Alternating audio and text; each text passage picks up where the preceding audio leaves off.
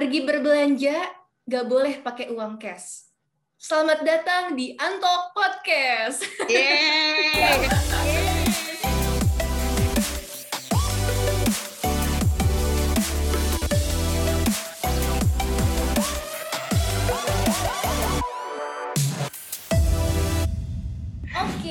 jadi di Antok Podcast ini seperti pada luar biasanya selalu akan dibawakan oleh saya Sarah dan juga oh sebelah sini Katia. Bu Widya, saya dipanggilnya Katia di sini, Bu. Oh oke. ya. di oke. notes, di notes, di notes. Katia, Katia.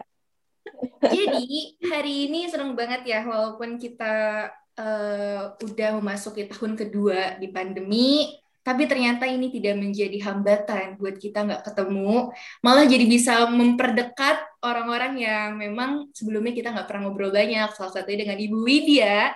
Halo Ibu, Halo, menyapa lagi. Ibu Widya ini merupakan salah satu psikolog klinis di Biro Psikologis Morfosa, psikolog di Pusat Bimbingan dan Layanan Psikologi Untar, dan juga dosen psikologi Untar. Wow, Ibu luar biasa banget sih, Bu. Begitu banyak hal-hal yang Ibu kerjakan dan Ibu lakukan. Jadi panutan buat saya, Bu. Thank you, thank you. Dan Selamat juga hari ini Widya. kita ditemani Terima kasih, Katia. Audrey, Audrey Sugito. Hai Audrey. Hai Sarah, hai Katia, hai Bu. Hai. Ini Audrey ini fun fact-nya Audrey ini teman dekat saya Bu. Jadi kita dulu pernah sekelas dan kita banyak ngobrol-ngobrol bareng, main bareng. Cuma karena emang pandemi, jadi kita udah nggak pernah ketemu lagi. Tapi seneng banget kayak sekarang di podcast ya, cuman diuntar doang nih, Untalks doang yang mempertemukan teman-teman lama kita. Audrey ini seorang mahasiswi Vkom Untar yang sekaligus merupakan finalis Miss Indonesia public figure ya Audrey wow luar biasa banget ini saya bangga banget jadi temennya Audrey Minta tanda tangan? Jadi- minta tanda tangan? Masih gratis, tenang. oh bener catet ya Dre catet ya jadi Audrey ini juga eh, salah seorang yang memang aware banget dengan mental health jadi ya ini tempat yang pas ya untuk kita saling berbagi, sharing, dan juga saling memberikan informasi terkait mental health. Khususnya memang di masa pandemi ini, tidak terkecuali saya sendiri, Katia juga pasti, kita semua menghadapi masa-masa yang sulit ya. Masa-masa yang memang sangat mengganggu mental health kita, khususnya kita terpaku dengan sosial media nih Bu, Dre. Jadi apa-apa harus lihat handphone, apa-apa harus standby di handphone, sampai yang tadi kita nggak pengen main HP, kita harus standby gitu kan, dan ini sangat mengganggu sih. Ini pengalaman dari saya pribadi, Bu, jadi saya curhat juga di Bu Iya. Baru baru mulai udah curhat, maaf ya, Bu ya. Sarah emang bawaannya kayak gitu ya. Sarah bawaannya begitu. Ibu pengalaman Widya, ya. bawaannya pengen curhat gitu. Ya, bawaannya pasti pengen cerita ketemu Bu Widya kan ya.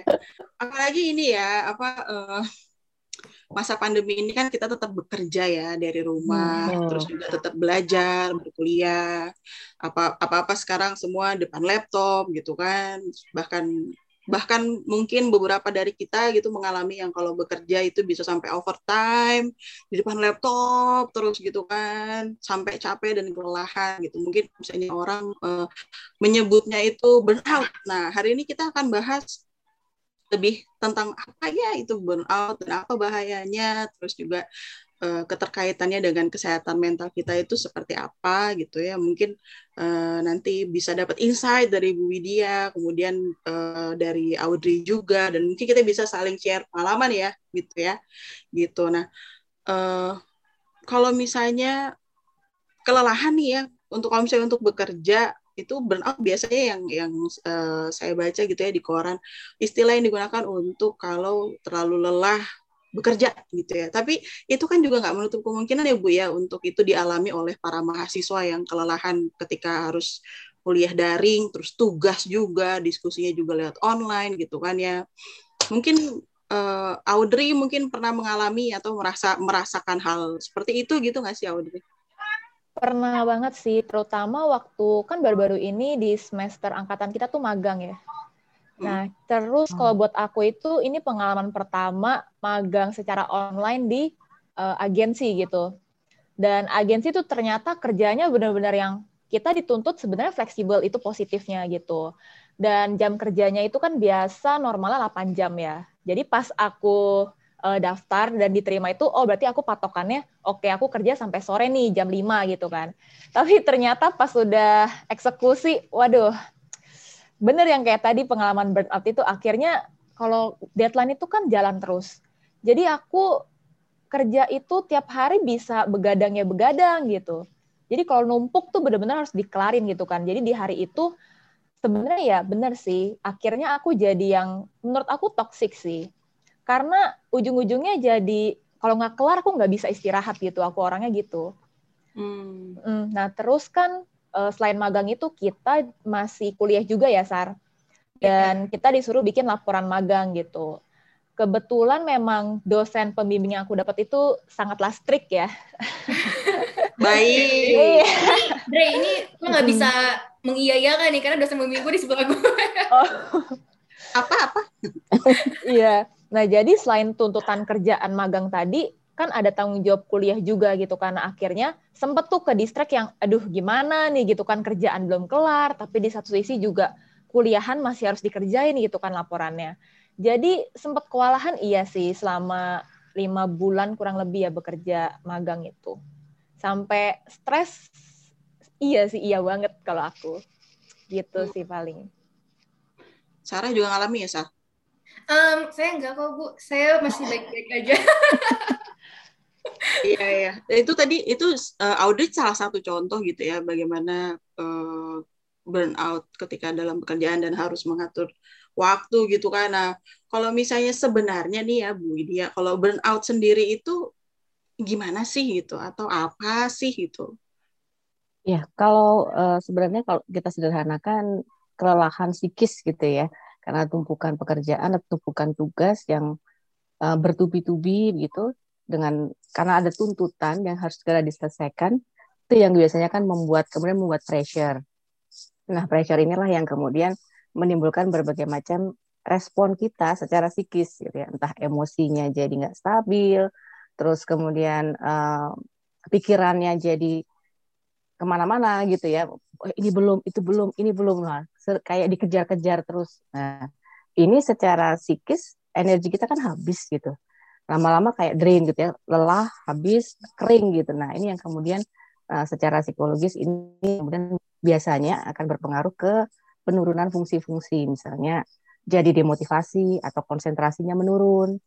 Kemudian mungkin dalam melakukan pekerjaan jadi tidak optimal karena uh, ada kesalahan-kesalahan gitu ya. Karena nggak teliti bisa jadi bukan maunya nggak teliti tapi karena uh, sudah didera terus terus menerus gitu. Sehingga fisiknya ini sebenarnya mungkin dalam tanda kutip sudah berteriak gitu ya. Dan itu juga pasti kalau sudah kena ada fisik akan berpengaruh juga ke psikis. Jadi ini kan uh, selalu bertalian gitu ya selalu saling mempengaruhi. Nah ini yang kemudian lama-lama menjadi drop drop turun gitu energi kita. Sehingga itu yang kemudian biasanya akan menurunkan fungsi-fungsi kita. Entah itu di pekerjaan ataupun mungkin di uh, perkuliahan gitu ya itu sama impactnya juga sama. Kira-kira gitu Katia. Hmm.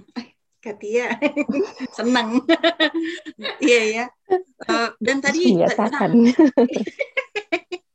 menariknya tuh tadi waktu Bu Widya bilang bahwa ketika kita burn out atau capek lelah secara fis, uh, psikis itu bertalian dengan ke fisik juga ataupun uh, vice versa gitu ya Bu ya. Jadi uh, nggak nggak nggak menutup kemungkinan nanti dari tadi yang pas uh, Audrey bilang dari stres itu kemudian berujung pada uh, apa muncul penyakit-penyakit fisik, kelelahan, terus susah tidur mungkin bisa atau ada efek-efek yang lainnya gitu Bu Widya? Biasanya kalau kena ke fisik itu uh, tergantung kerentanan dari yang dari individu itu ya. Misalnya kalau dia rentannya di area pencernaan, mungkin nanti munculnya di asam lambung gitu. Mm-hmm. Itu salah satu indikator biasanya kalau asam lambung ini selalu, selalu uh, biasanya dikaitkan dengan stres ya. Karena ada stres, asam lambung naik, Nah, itulah ke mana-mana jadinya ya, bisa jadi GERD dan segala macamnya. Uh, kalau dia kerentanannya mungkin di uh, kulit gitu, mungkin biasanya muncul uh, kayak bisa dia mungkin punya gangguan di kulit gitu ya, bisa jadi jadi gatal-gatal gitu, atau jadi sensitif. Nah, biasanya uh, yang diser, uh, terserangnya ini uh, pada bagian tubuh atau organ tubuh mana yang dia memang punya masalah atau atau rentan di situ gitu. atau kalau mungkin sakit kepala juga bisa jadi misalnya um, peredaran darahnya yang biasanya nggak lancar bisa jadi oksigen ke otak yang berkurang nah tegang di daerah leher kemudian ke kepala gitu Terus bisa dari fisik ke psikis, dari psikis ke fisik juga bisa. Hmm. Iya, biasanya saya kalau udah rapatnya kebanyakan tuh pusing. Aduh. Ya, itu tandanya kekurangan oksigen itu. iya, apalagi gak keluar kamar, gak keluar rumah gitu kan. Aduh. Iya, bener banget sih. Nah, sebenarnya karena lihat laptop terus. Hmm. Saya juga kalau misalkan di dalam kamar terus tuh jadi sedikit depres gitu. Makanya kalau misalkan udah selesai nugas, keluar kamar tuh kayak akhirnya sebuah kesenangan tersendiri karena terlalu lama di kamar dan ibu itu bisa mempengaruhi insomnia itu bisa menjadi salah satu tanda juga nggak sih kita lagi mengalami burnout? Iya, bisa. Uh, artinya menjadi terganggu jam tidurnya ya. Entah dia jam tidurnya berkurang atau mungkin sulit mau tidur sulit gitu. Jadi berangkat tidurnya yang sulit gitu. Atau uh, tidurnya nggak tenang gitu. Jadi kebangun-bangun gitu. Kayak misalnya mungkin Audrey tadi jadi malam-malam nggak tenang, aduh belum kelar nih, belum kelar gitu ya. Jadi kalau belum kelar nggak bisa tidur gitu. Kebawa terus kayak masih ada beban gitu. Atau ketika tidur kebangun-bangun. Lagi lagi lagi sudah apa sudah uh, fase tidur tiba-tiba kepikiran teng bangun lagi gitu ya. Nah ini hmm. kemudian berangkat tidurnya lagi susah. Nah macam-macam sih gangguan tidur tapi intinya masuk dalam kategori gangguan tidur bisa itu bisa terjadi. Oke okay, Katia. Berarti saya mengalami burnout. Dan itu dialami setiap hari karena uh, awal-awal tuh nggak belum ngerasa gitu bu, belum ngerasa ini burnout atau emang uh, kan kalau sekarang kan ada istilah night owl ya, jadi anak muda yang memang mengubah jam tidurnya yeah. dan itu nganggap tuh kayak biasa aja. Hmm. Dan saya anggapnya itu biasa aja. Hmm. Dulu kan early bird yang selalu bangun pagi, kok ini saya benar-benar nggak bisa kayak tidur itu cuman bisa di hmm. jam 3 pagi, bangun-bangun jam 12 siang, dan itu terus-terusan. Dan saya pikir kayak, oh ini mah night owl kali, kiasan anak muda zaman sekarang kan. Sampai saya beli smartwatch, karena saya pengen pastiin gitu, Bu, kayak, ini gue burnout atau enggak ya? Dan ternyata memang uh, pas dilihat itu kan ada track tidurnya gitu kan, Bu. Dan hmm. memang benar-benar nggak uh, dibilang ini tidak normal tidurnya. sama dibilang tidurnya tidak normal. Dan ternyata setelah, setelah tadi Bu Widya jelasin juga, ya saya baru sadar gitu loh ternyata saya merasakan burnout setiap hari yang tidak saya sadari. Dan ini mungkin bahaya banget ya Bu ketika kita nggak tahu kita mengalami burnout dan dianggap biasa aja. Benar nggak Bu kira-kira? Iya betul. Ya, karena begini uh, seperti yang Sarah ceritakan tadi ya ini berarti jam jam tidur biologisnya sudah bergeser nih ya.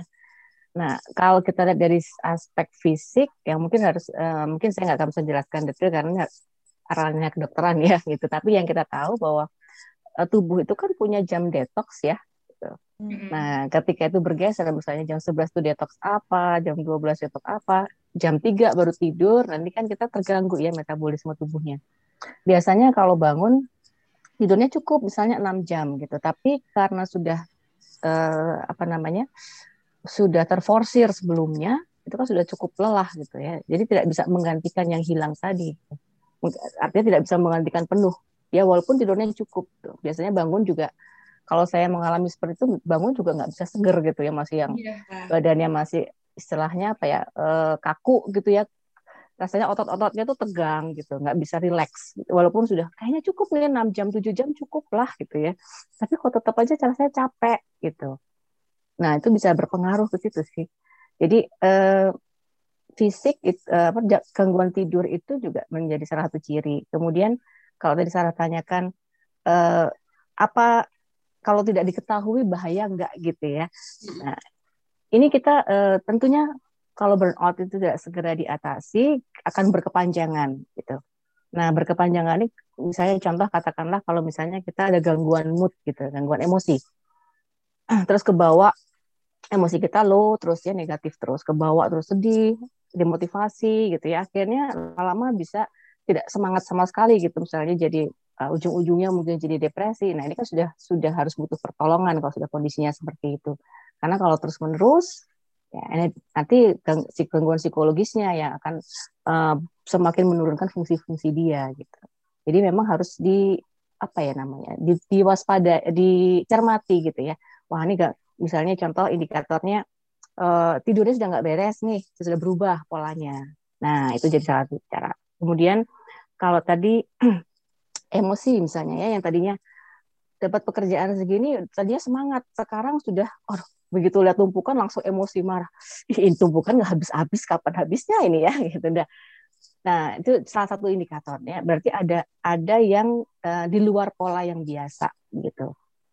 Seberapa parah atau seberapa terganggunya itu yang perlu dicermati lebih jauh. Ya, masih bisa uh, coping nggak nih kalau masih bisa coping sendiri nggak gitu ya menyelesaikan sendiri? Ataukah sudah perlu butuh bantuan dari uh, orang lain? Misalnya apakah curhat ke teman ataukah mungkin ke orang tua gitu ya atau barangkali sampai kepada profesional misalnya? Jadi kan uh, tergantung pada tingkat atau levelnya seberapa itu berpengaruh seberapa itu seberapa pengaruhnya terhadap kita gitu. Mm-hmm. kayak kira gitu Sarah. Nah kalau misalnya ini ini ya jadi jadi dalam ya pembahasan kita gitu kan ya. Gimana, uh, uh, uh, karena burnout itu ternyata bisa aja tuh dari permu, di, hanya di permukaan aja tapi ternyata di balik itu ada yang harus diperhatikan dan diperbaiki gitu ya bu ya? Iya. Nah kalau misalnya nih uh, tadi kan uh, stres terus juga uh, lelah gitu ya fisiknya gitu. Tadi Audrey cerita sempat iya sampai sempat banget mas saya merasa oh kayaknya nih saya stres nih untuk pekerjaan dan harus membagi waktunya gitu ya. Biasanya nih Audrey dulu kalau misalnya atau uh, kalau lagi merasa bahwa oh, kayaknya stres atau burnout itu apa yang dilakukan gitu sih untuk mengatasinya gitu. Ada kan yang misalnya ada tuh sekarang eh, populer tuh yang menggambar, mewarnai gitu ya. Oh iya. iya. Hmm, atau puzzle puzzle menyusun puzzle atau dengerin musik atau kalau Sarah simple ke luar dari kamar gitu hemat ya Sarah ya. Jadi orang tuanya bahagia kayaknya ya. Anak gue hemat gitu kan mendukung perekonomian sendiri soalnya. Mendukung, mendukung perekonomian keluarga. Nah kalau misalnya Audrey sendiri gimana sih untuk usaha mengatasi uh, stres itu gitu? Aku sih selama kerja itu wajib pakai lagu sih. Hmm. Iya, karena kalau suasananya sunyi gitu ya, aku ketambah ke bawah stres. Kecuali kalau lagi belajar gitu. Nah, justru kalau belajar aku baru kebalikan tuh, nggak bisa berisik. Jadi aku bakal nyari ruangan yang tenang tuh kayak Sarah tahu banget ya. nah, biasanya juga kan aku posisinya itu uh, rumahnya itu ruko gitu ya. Jadi orang tua tuh pasti di bawah gitu. Nah, aku tiap hari sendiri doang gitu. Terus sempat sih akhirnya pelarian aku aku pelihara hewan gitu. Hmm. Mm Tapi akhirnya karena kondisi di ruko gitu kan ya, jadi yang punya nggak bolehin. Akhirnya ya sedih sih sebenarnya karena aku mikir hewan peliharaan itu cukup pengaruh sih. Uh, gak tahu bener gak tuh ya Bu Widya? Karena menurut hmm. aku kadang kalau kita lagi stres banget tuh kita susah gitu. Kalau aku sih cerita ke orang bisa nih, misalkan aku curhat gitu ya ke Sarah hmm. gitu. Tapi di saat kita benar-benar ngedown atau stres, kadang saran dari orang tuh nggak relate gitu ke kita. Karena bisa aja yang dia ngomong itu bukan yang kita harapkan untuk dengar gitu sih menurut aku. Nah. Mm -mm. Jadi menurut aku kalau lagi stres banget itu aku bakal berharap punya temen yang mau dengerin aja sih gitu. Gitu sih paling kalau dari aku. Iya. Audrey kalau mau cerita cerita aja ya. di luar sendiri keluarkan nanti nanti bisa di luar sensi dari Audrey iya ya dengerin musik dengerin musik. Kalau Sarah apa tadi selain keluar? Um, malah kalau dengerin musik itu membantu banget sih. Tapi kadang kalau dengerin musik kalau dari saya pribadi masa jadi ikutan terbawa suasana lagunya kerjanya gak selesai hmm. gitu loh. Iya, hmm. tapi kalau saya sendiri ya kalau lagi burnout keluar kamar itu bener-bener ngebantu banget sih bu. Kayak nggak tahu kenapa kalau di kamar kan ngelihatnya cuma tembok kerjaan tembok kerjaan. Tapi kalau ngeliat keluar kamar tuh lihat pepohonan langit jadi kayak seger aja gitu tapi kalau udah bener-bener burnoutnya parah banget saya akan tinggalkan semua kerjaan saya nggak mau kerjain itu yang terburuk dari saya yang bisa saya lakukan kalau dari Katia sendiri gimana ya Katia untuk menghadapi burnout-nya? Saya ketemu Bu Widya. Oh, iya. Curhat. Ada jalur khusus ya? Ada jalur khusus. Lewat kanan kiri. Iya, kalau kalau saya uh, oh tadi pas saya cerita tentang uh, indikasi gitu ya atau tanda-tandanya burnout itu kalau saya kan lebih ke asam lambung sama sakit hmm. kepala. Nah, biasanya itu saya uh, menilik lagi ini uh, apa ya yang polanya berubah atau yang uh, mengganggu gitu ya. Misalnya pola tidur, ini itu memang sih pola tidur itu berpengaruh banget. Karena waktu saya nggak bisa tidur, yang tidur cuma 2-3 jam itu fisik dan mentalnya drain banget gitu ya. Terus kalau sekarang itu saya berusaha banget jam 9, jam 10 itu sudah tidur supaya mencegah kelelahan kelelahan. Dan kalau lagi kelelahan biasanya itu saya tutup laptop saya eh, apa kamar itu lampunya dibuat temaram kemudian saya dengar lagu lagunya tuh yang uh, musik yang slow terus ada ini suara hujan. Ah, banyak tuh di YouTube ya, ya, ya jadi suara yeah. hujan. Uh -uh. Nah itu membantu saya untuk rileks dan tidur gitu. Hmm. Dan uh, kalau misalnya sakit kepalanya sakit banget, biasa saya minum minum obat gitu kan. Tapi kalau untuk mengatasinya ya tadi memperbaiki apa ya? Uh, oh supaya nggak burn out, pekerjaannya ayo dikerjain pelan-pelan. Tapi tiba-tiba ada pekerjaan lagi yang lain-lain yang lain gitu kan. Terus oh rapat apa yang lain-lain gitu kan. Akhirnya ya ya bercerita dan dan tadi yang Bu Widya bilang benar banget sih dengan kita apalagi kan saya jauh dari orang tua ya. Saya di Jakarta orang tua saya di Depok. Jauhnya cuma di situ ya. Itu uh, video call misalnya cerita update hari ini ngapain aja. Udah cuma begitu itu dan it it it does really help sih gitu dengan bercerita gitu. Gitu sih kalau saya ya. Mungkin ada ada tambahan lagi yang harus kita lakukan atau apa sih yang bisa kita lakukan gitu Bu Widya supaya bisa mencegah atau mengatasi burnout gitu. Ya. kalau untuk mengatasi eh, cara-cara tadi tuh semuanya uh, sebenarnya nggak ada yang salah gitu ya bener. Jadi kan memang tiap orang itu punya cara efektif gitu ya, Cak. Istilahnya kayak P3K-nya gitu. P3-nya hmm. bukan luka tapi P3-nya buat psikis kita. Macam-macam.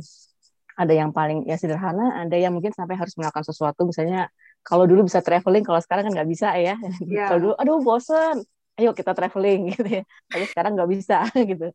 Nah, cara-cara sih Mbak, eh, yang disampaikan Audrey, Sarah dan Kak Tia tadi uh, sebenarnya itu sudah artinya efektif untuk tiap or, tiap individu ya masing-masing individu gitu. Uh, P3K pertama biasanya yang yang yang disarankan itu adalah melakukan uh, relaksasi dulu. Gitu. Dan intisari dari tadi kan sebenarnya relaksasi ya, merilekskan. Karena kondisi burnout itu kan semuanya tegang, pikirannya tegang, badannya tegang gitu ya. Terus kemudian uh, ada tengah waktu lalu didesak lagi juga dengan tuntutan pekerjaan itu kan jadi tensionnya tinggi gitu ya. Jadi ini harus diurai gitu diurai. Nah penguraiannya itulah yang kemudian tiap orang punya cara sendiri. Biasanya kalau saya menyarankan ke klien itu coba dibuat list gitu. Cara-cara apa yang efektif gitu sehingga bisa berganti bervariasi gitu ya. Kalau tadi misalnya Sarah uh, dengan keluar kamar itu bagus tuh sifatnya mendistract gitu kan. Jadi yang tadinya ter, dalam satu istilahnya dalam satu kotak begitu sempit nah kemudian lihat yang hijau-hijau yang jauh-jauh jadi jarak pandang dekat kemudian ditarik jauh gitu. Nah ini kan juga me, me, merelaksasi gitu ya. Nah itu sangat bagus apalagi kalau ditambah dengan misalnya sambil mengatur nafas gitu ya. Biasanya kalau kita kerja diburu-buru deadline tuh kan semuanya serba aduh bagaimana ini serba ya. tension gitu ya. Nafas juga jadi pendek gitu. Nah, itu yang membuat semua di organ di tubuh kita tuh bekerja ekstra gitu. Dipacu lebih cepat. Nah, itu yang melelahkan. Jadi ya itu yang diurai.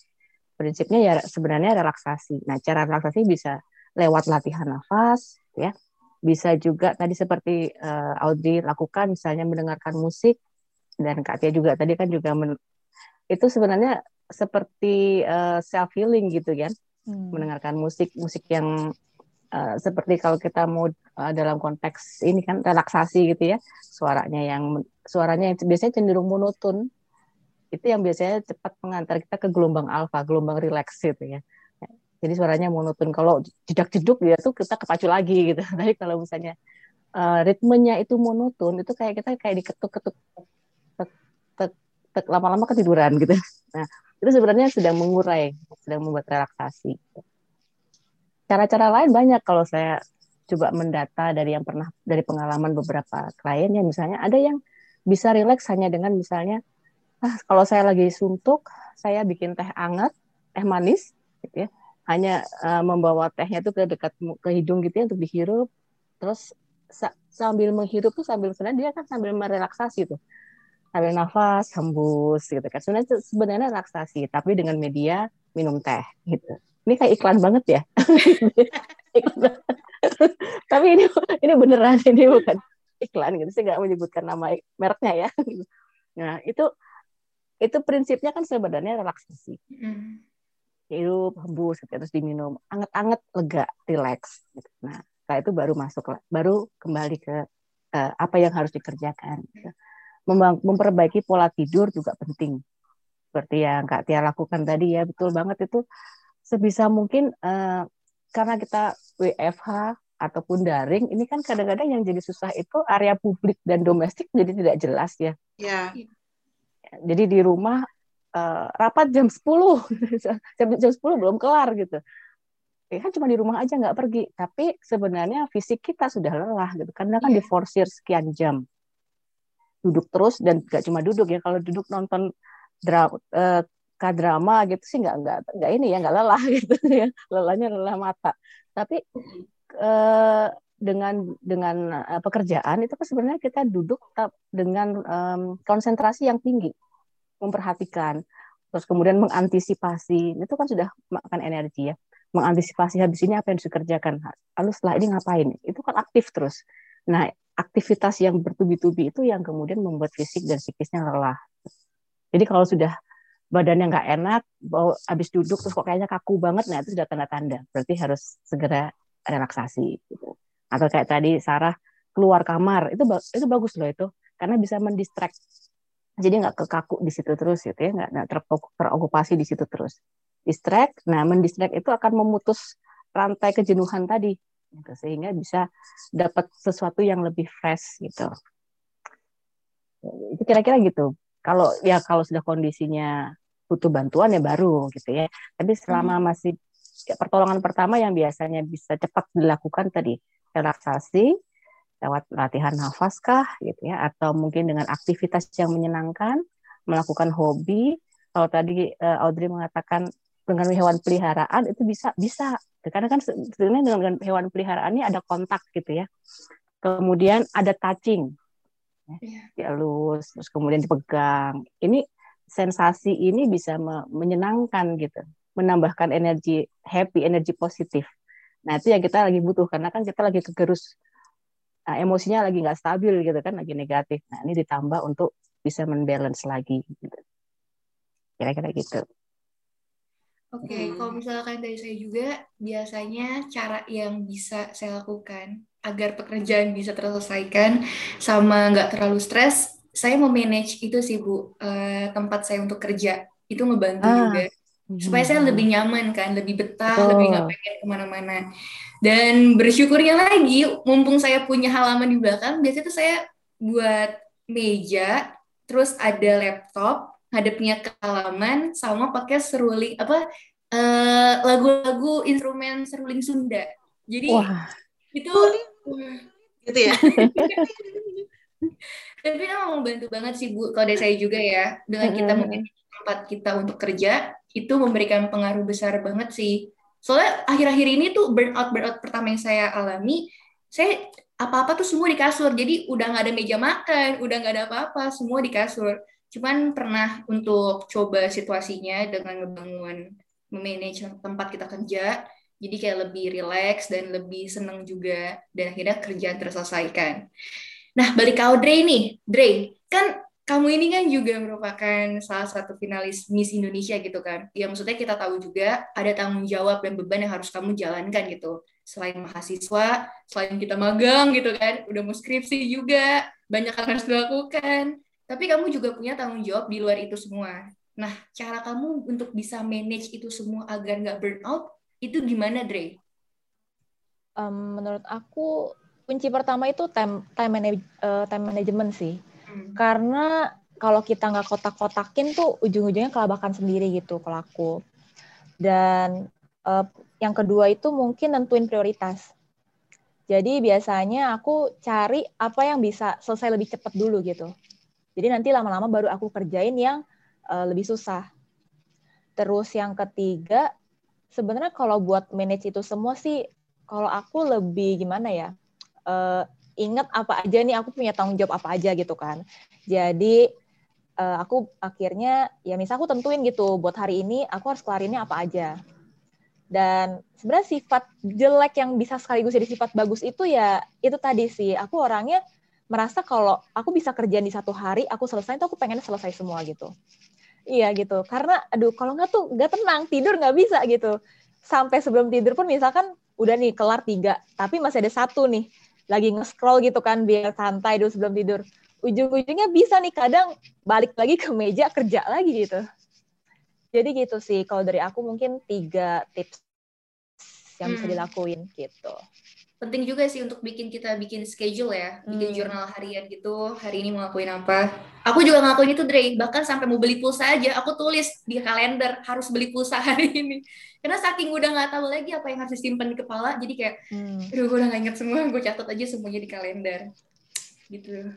Ya, ya organizing ya. Berarti ya itu ngebantu juga sih ya. Karena kan apalagi kalau misalnya kita nggak ke mana-mana nih apalagi saya kan nggak ke mana-mana nggak keluar-keluar gitu kan. Zona waktu itu adalah sesuatu yang nisbi nggak jelas gitu kan. Ini pagi atau malam gitu kan.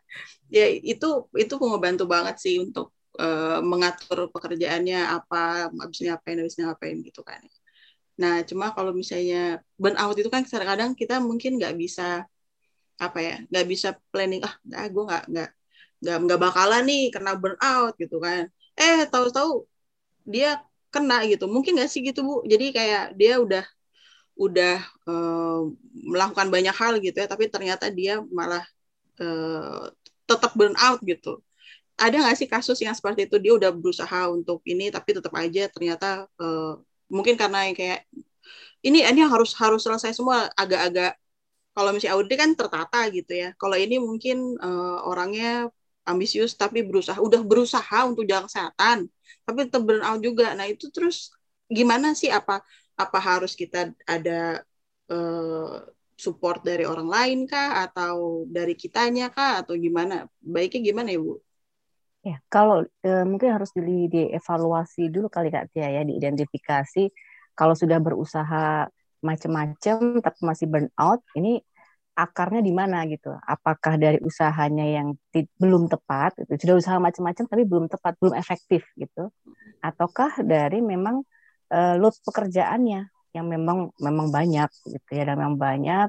Kadang-kadang uh, bisa saja kan ada uh, karyawan atau uh, misalnya mahasiswa gitu ya, misalnya yang mendap mendapatkan tugas atau pekerjaan yang memang di luar um, kalau kita logika itu kayaknya nggak bisa kelar 24 jam gitu. Misalnya kalau kita ini sudah ini bisa deh ini selesai sehari gitu menurut orang yang memberi tugas gitu ya. Tapi ketika tugas itu dilaksanakan ternyata banyak perintilan yang harus dikerjakan gitu. Misalnya harus oh harus cari ini dulu, oh harus mengerjakan ini dulu. Oh ini harus di, di, dibetulkan dulu yang bagian ini baru sebenarnya baru kemudian disusun jadi satu. Nah, perintilan ini yang kemudian tidak terprediksi oleh yang memberikan tugas barangkali gitu ya sehingga uh, menuntutnya harus segera selesai. Padahal itu sebenarnya mungkin pekerjaan uh, harusnya dua hari satu hari selesai gitu kan. Jadi kan overload ya. Terlalu banyak gitu. Nah itu tadi yang mungkin harus dievaluasi dulu. Apakah caranya yang belum efektif ya atau memang uh, pekerjaannya jumlah pekerjaannya gitu, ataukah cara mengerjakannya yang tidak efektif gitu. cara kita menyelesaikan pekerjaannya yang uh, mungkin terlalu bertele-tele gitu ya. Mungkin apakah uh, misalnya tidak semua pekerjaan harus se uh, dikerjakan dengan cara yang sedetil itu gitu ya. Mungkin untuk pekerjaan yang lain kita bisa selesaikan secara global gitu misalnya.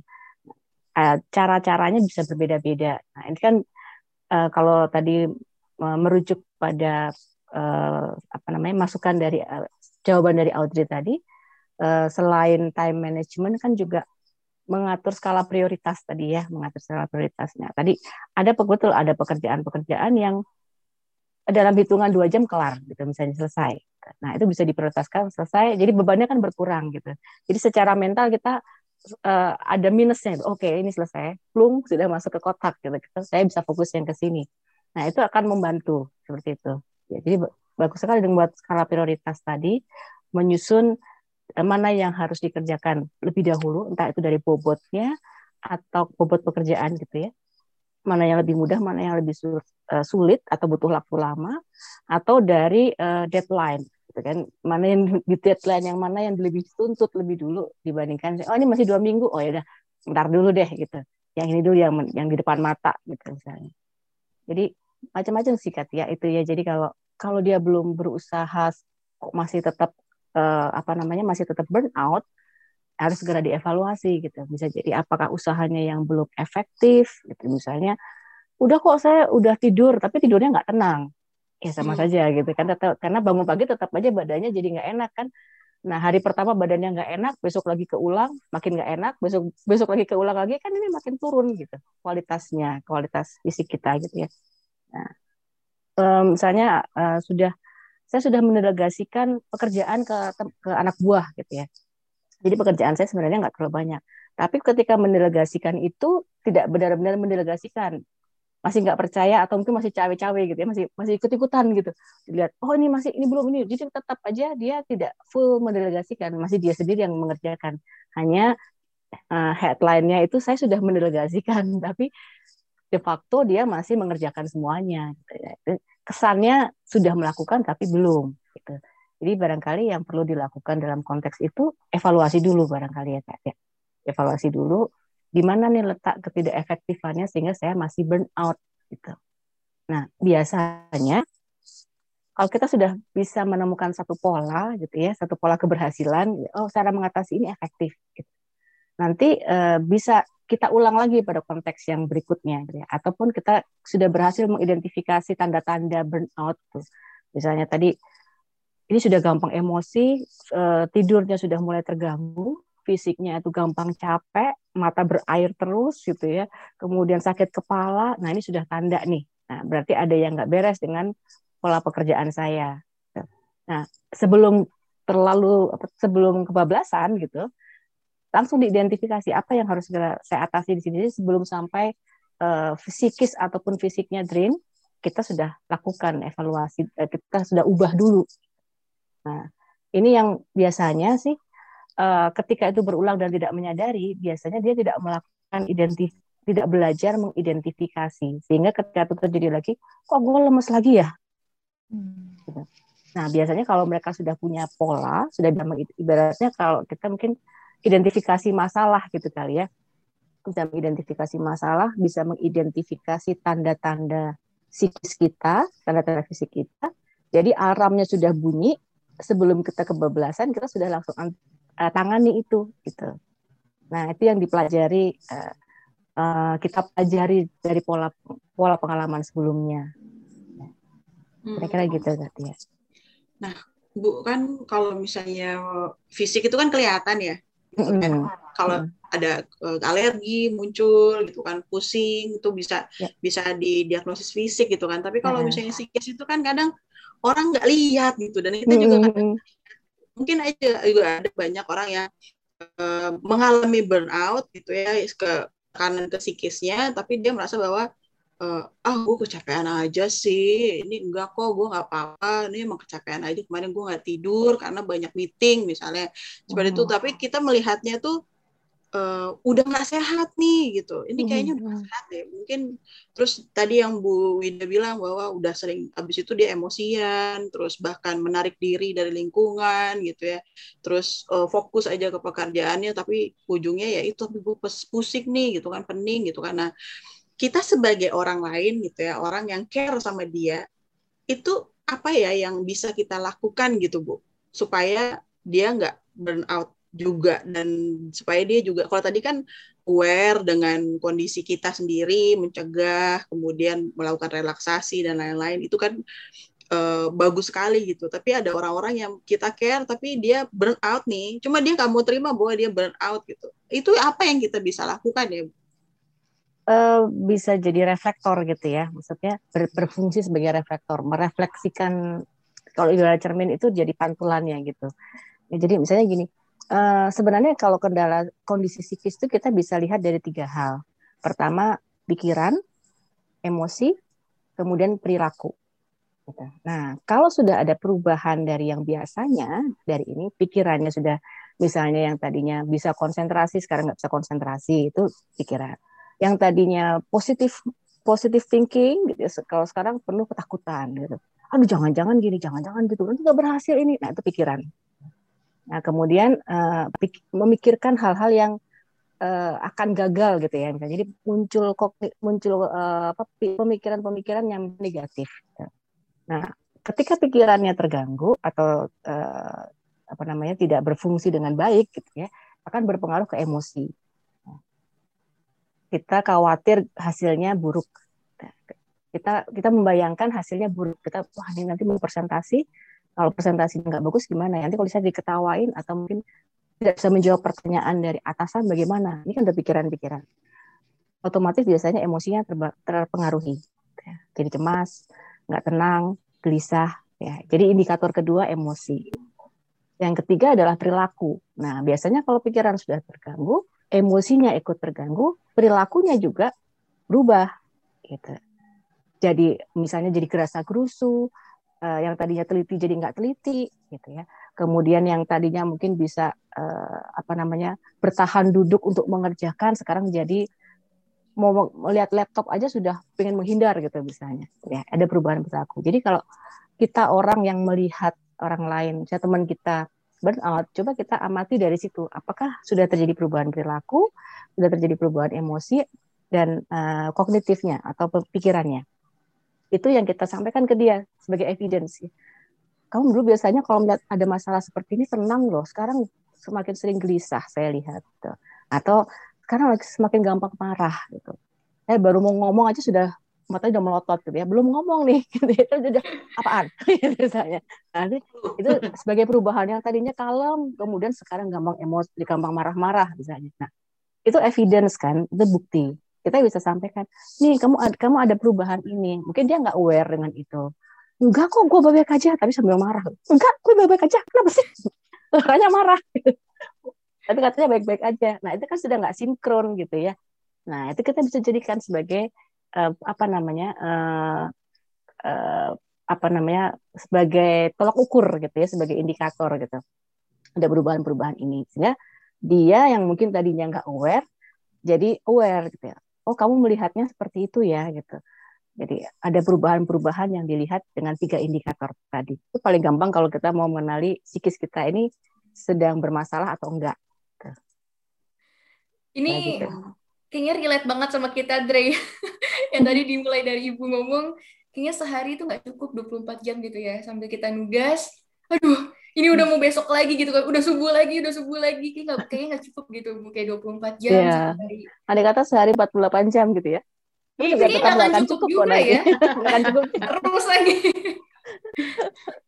Gitu. Tapi memang ini mengganggu banget sih, dan kayaknya juga kita yakin ya, maksudnya saya dan Audrey khususnya nih yang kita mahasiswa yang lagi struggling untuk menyelesaikan segala tugas kalau lagi di rumah, Dre, kayaknya gue yakin nih, kayaknya si Audrey juga di rumah lagi kerja, mungkin mamanya sempat bilang, kamu ngapain sih duduk terus di situ? Bantuin tuh kerja.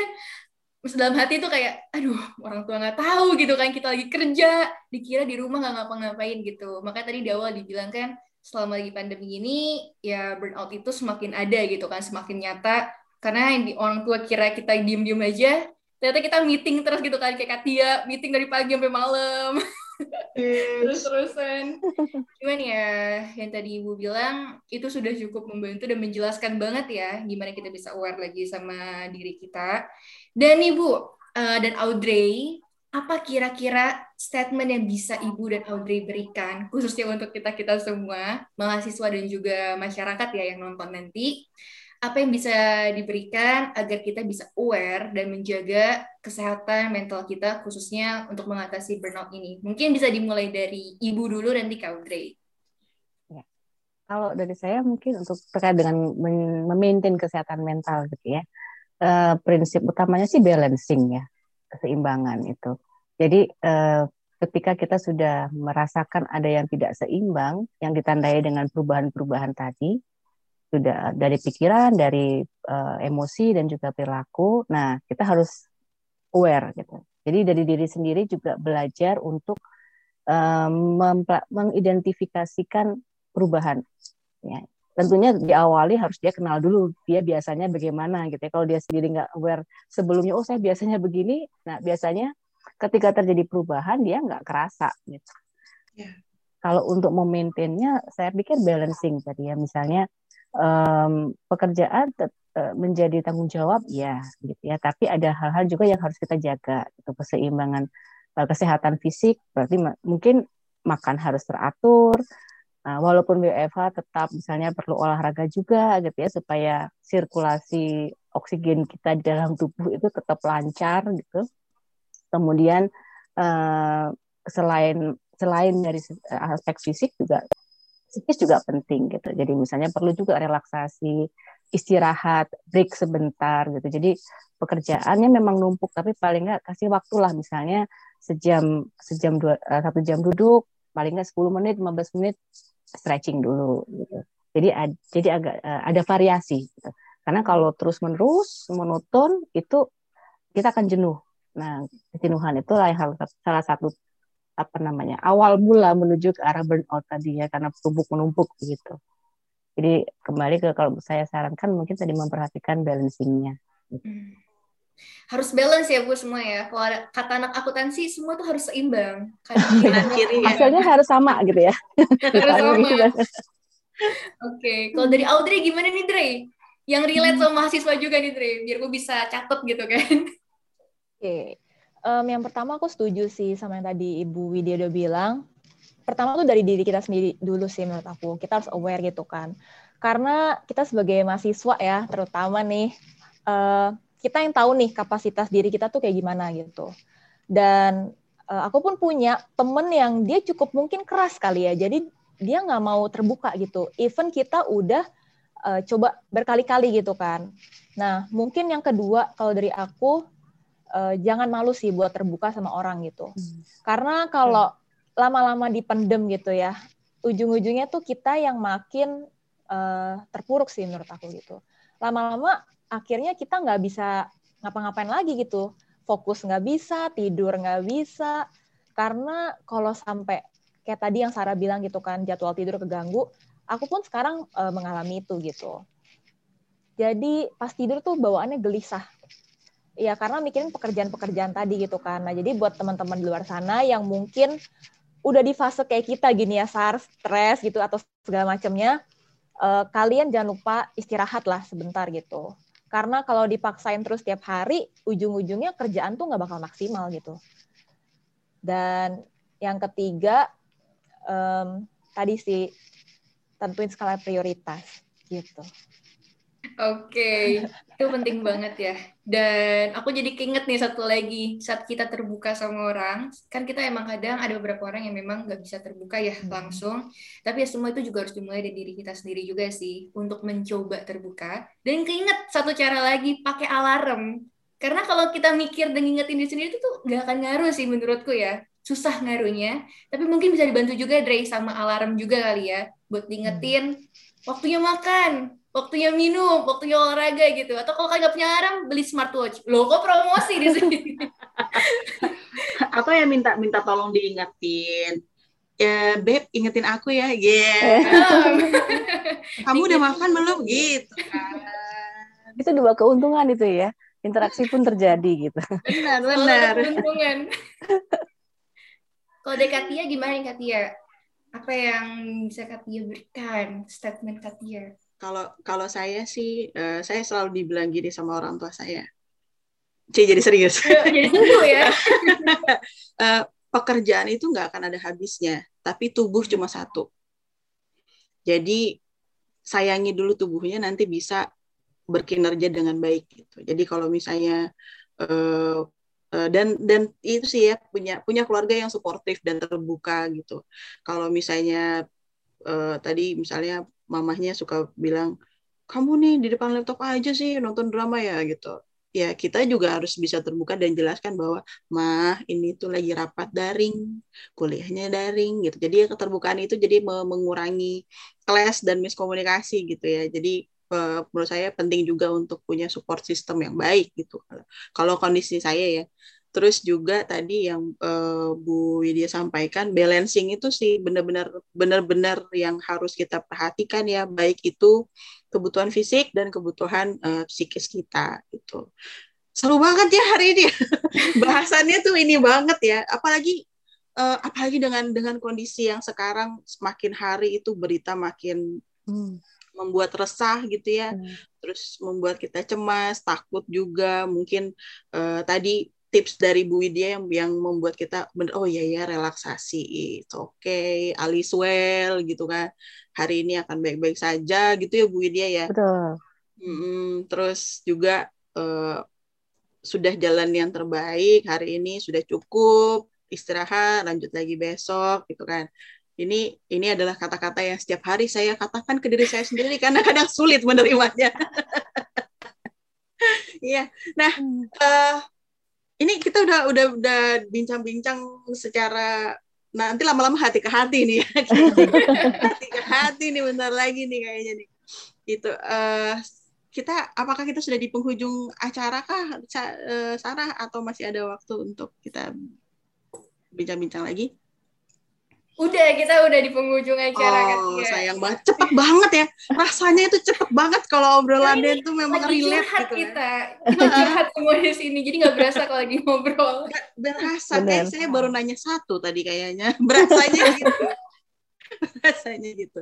Oke, okay, kalau begitu terima kasih banyak Bu Widya sudah hadir di tengah-tengah kita pada hari terima kasih ini. Juga sudah berbagi insight yang penting, krusial untuk kita jalani sekarang ya dengan kondisi yang penuh ketidakpastian ini gitu ya. Terima kasih sekali lagi Bu Widya udah share, udah uh, berbagi insight yang kita harus aware dan lakukan gitu ya. Jangan cuma oh ya tahu tahu mm, mm, ya lu benar mm, ya terus kenapa nggak apa-apa gitu kan. Tapi terus nanti dia malah merugikan dirinya dan orang lain gitu kan. Ya. Terus juga Audrey, terima kasih udah berbagi juga, udah berbagi pengalaman nih dari sudut pandang mahasiswa sekaligus uh, bekerja juga gitu ya yang mengalami baik itu kelas daring sama pekerjaan gitu kan. Sarah juga ya Sarah ya. Mhm. Sarah. itu laporannya udah ya Sarah ya, udah beres oh, ya. Udah. Berkurang satu, berkurang satu. Masih ada yang lain gitu. Ya, terima kasih banyak sekali lagi Sarah juga terima kasih banyak sudah menemani saya hari ini dan Uh, sampai jumpa di kantor berikutnya tentunya akan membahas bahasan atau topik-topik yang menarik lainnya dan berguna tentunya untuk kita uh, ketahui dan resapi dan lakukan dalam keseharian. Oke, okay, dan this is Antox.